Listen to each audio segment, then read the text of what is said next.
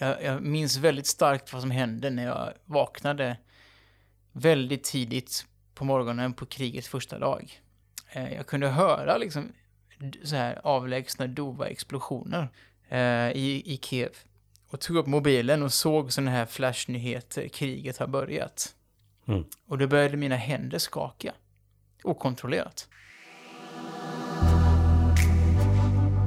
Det har gått sex månader sedan Rysslands invasion av Ukraina. En som var på plats i Kiev den 24 februari, det var Dagens ETCs reporter Joakim Medin. I det här avsnittet ska du få höra hans egna upplevelser av att vara mitt i händelsernas centrum när ett krig bryter ut. Mitt namn är Emanuel Hendal och du lyssnar på Dagens ETC bakom rubrikerna.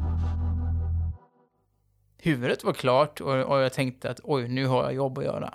Nu har jag att göra liksom. Och jag är här.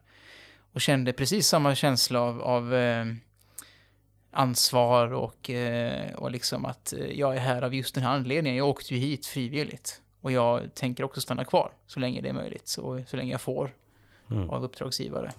Men eh, den här okontrollerade skakningen, det var ju, det var ju ren nervositet naturligtvis. Och eh, ja, rädsla för vad som skulle hända med alla människor i den här staden med tre miljoner invånare.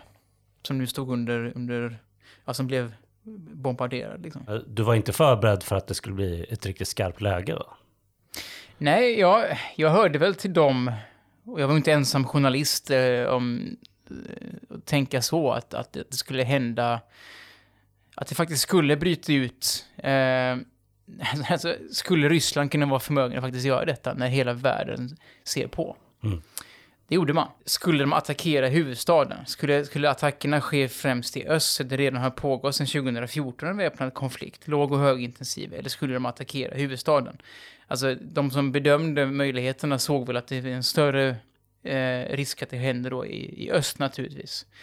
Här gick man till direktattack. Alltså jag vaknade den 24 februari av att höra explosioner i, i Kiev. Nästa dag så, så kom det rapporter om att ryssarna var... ehm, Eh, alltså de hade ju erövrat eh, Hostomel, en flygbas, bara en och en halv mil utanför stan. Eh, och var så nära huvudstaden. Mm. Så, ja. För idag vet vi ju att eh, just Kiev är ganska förskonat om vi jämför med många andra städer. Mm. Men där och då, du visste ju faktiskt inte vad som skulle ske när du låg där på hotellrummet. Hur gick tankarna? Eh, Det utbröt eh, en inte så liten rädsla när det stod klart att ryssarna hade lyckats ta över då den här flygbasen hos Stomel så nära huvudstaden. Mm.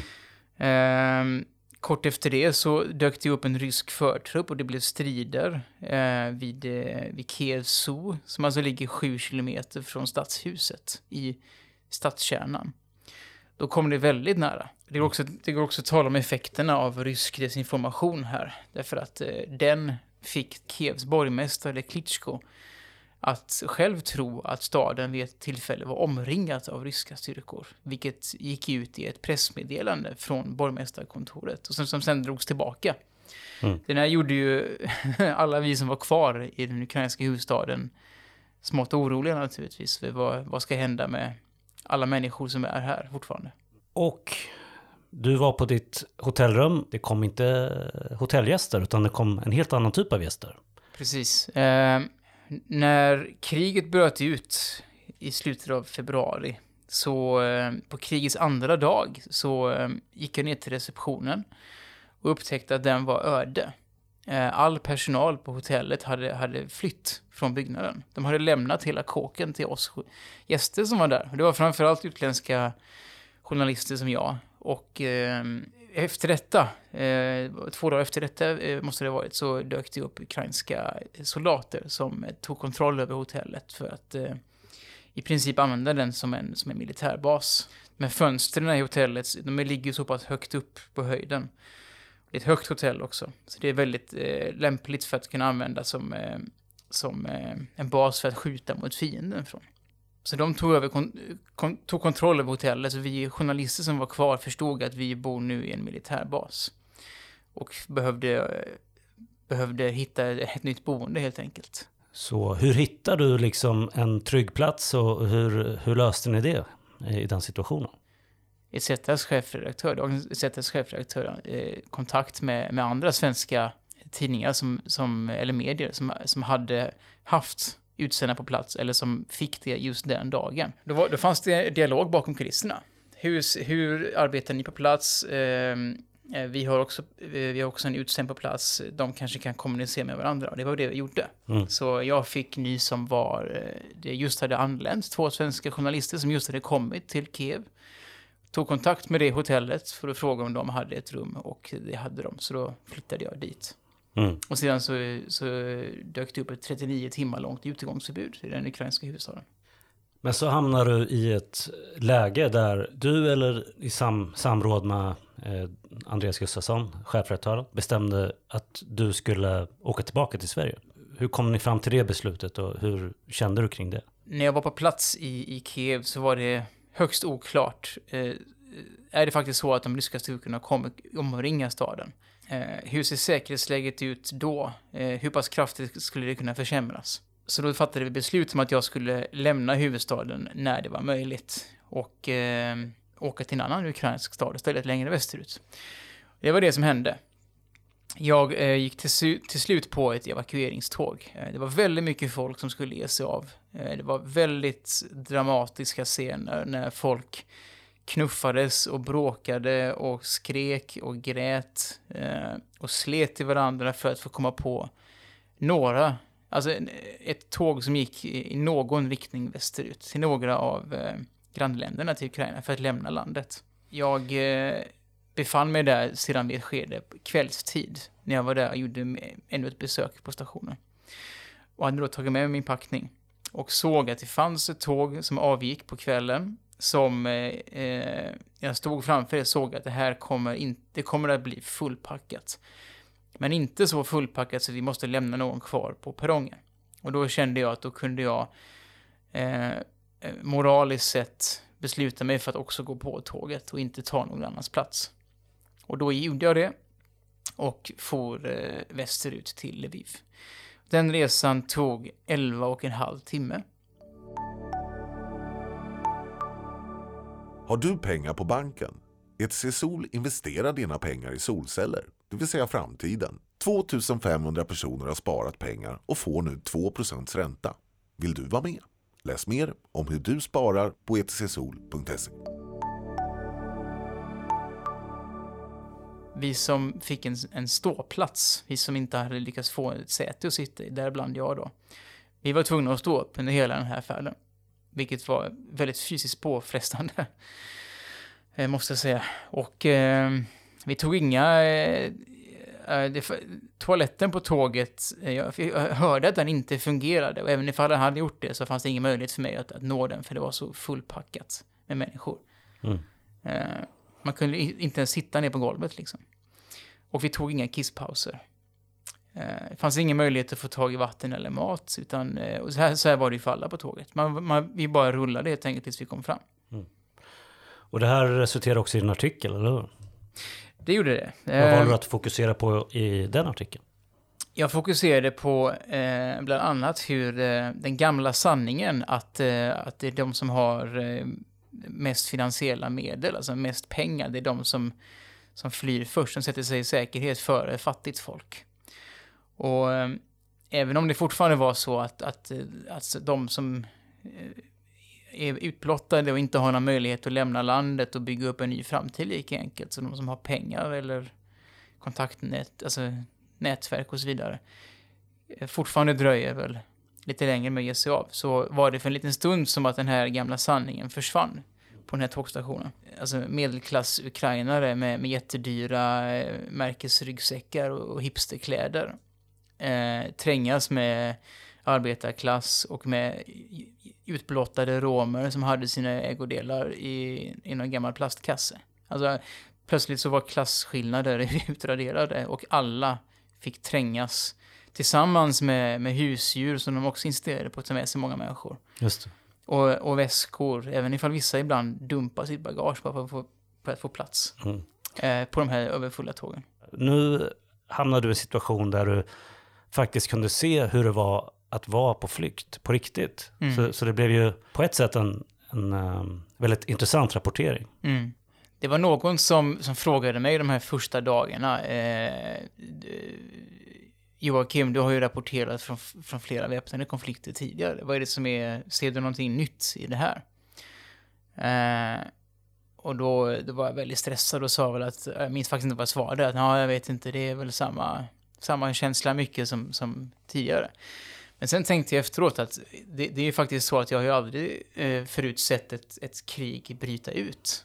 Jag har jobbat Nej. i flera krig förut, eh, men inte, inte sett de första dagarna, vad som händer, den stora omställningen. Just det. Och det var eh, både intressant och, eh, och eh, eh, alltså, ja, gjorde mig rik på erfarenheter. Eh, unika observationer, men också väldigt skrämmande och sorgligt att se. Kan man, kan man sä, säga någonting om atmosfären, liksom, känslan, när eh, ett krig faktiskt bryter ut? Ja, ehm, Hur reagerar människor? Liksom? Ja, jag kunde väl se både liksom som, som sagt då, alltså skräcken hos vissa, eh, motståndsviljan som bara ökade och blev ännu starkare hos andra. Och det är ju de som sedan vi, ganska snabbt hörde började organisera sig och tillverka allt från molotov cocktails till, eh, till, eh, till att bygga upp vägbarrikader och allting liksom. Mm. Och gå med i hemvärnet och ja. Till att jag kunde se eh, den här självförnekelsen och, hos andra.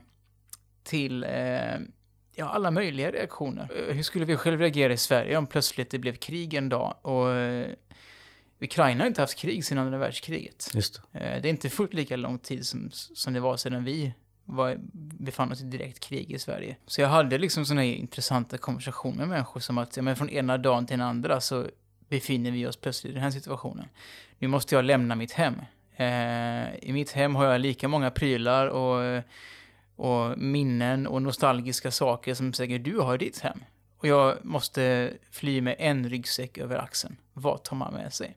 Och några dagar inne i kriget så befann jag mig då på tågstationen och, och talade med två ukrainska män som stod där och eh, blinkade bort tårarna i ögonen när jag kom nära och skulle ställa några frågor.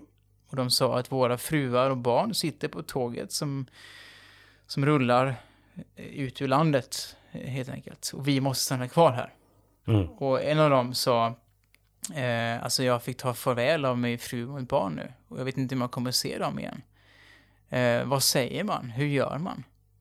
Och det är ju det är väl, det är, det är precis så det är naturligtvis. Hur, helt plötsligt så är du i krig och du som ukrainsk man fick inte ge dig av. För du måste stanna kvar och eventuellt kriga tills du dör. Eh, finns det några bilder från den här tiden som har liksom etsat sig fast som du aldrig, du tror att du kommer glömma liksom? Det kommer, du kommer bära med dig?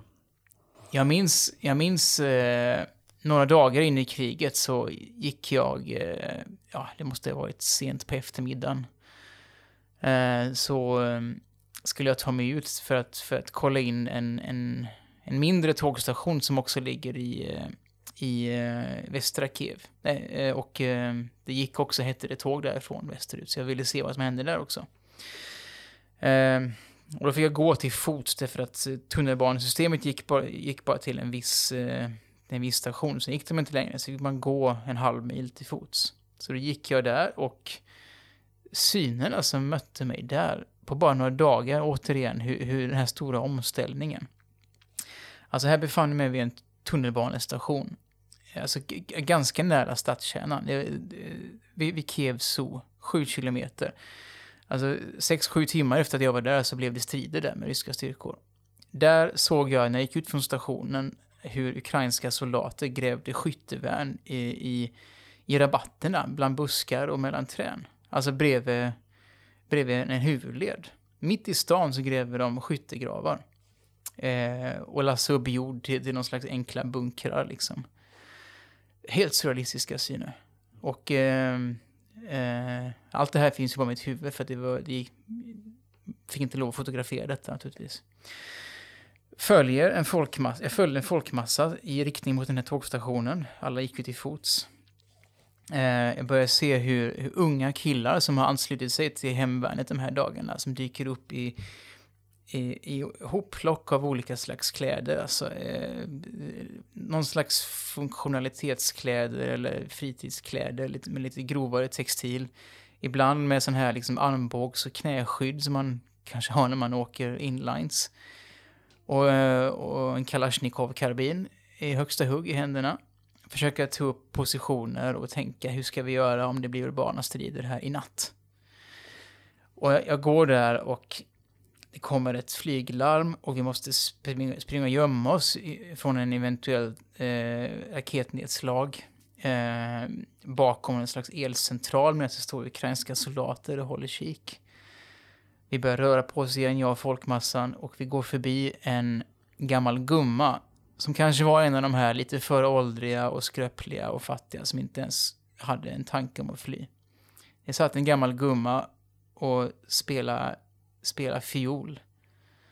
En gammal sprucken, inte särskilt stämd fiol och hade en liten kopp och tiggde pengar framför sig. Och på några dagar så hade det gått från att det här kändes som att det här var ett krig som hade pågått i fem år. De här synerna. Mm. Och det hade pågått då i, ja men fem dagar kanske. De här, ja. Den här känslan och de här synerna, det, det sitter liksom fast etsat i huvudet. Tack så jättemycket Joakim. Tack så mycket.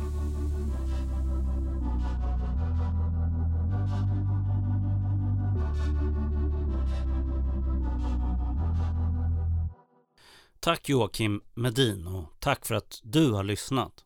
Du kan läsa Joakims Ukraina-bevakning på etc.se.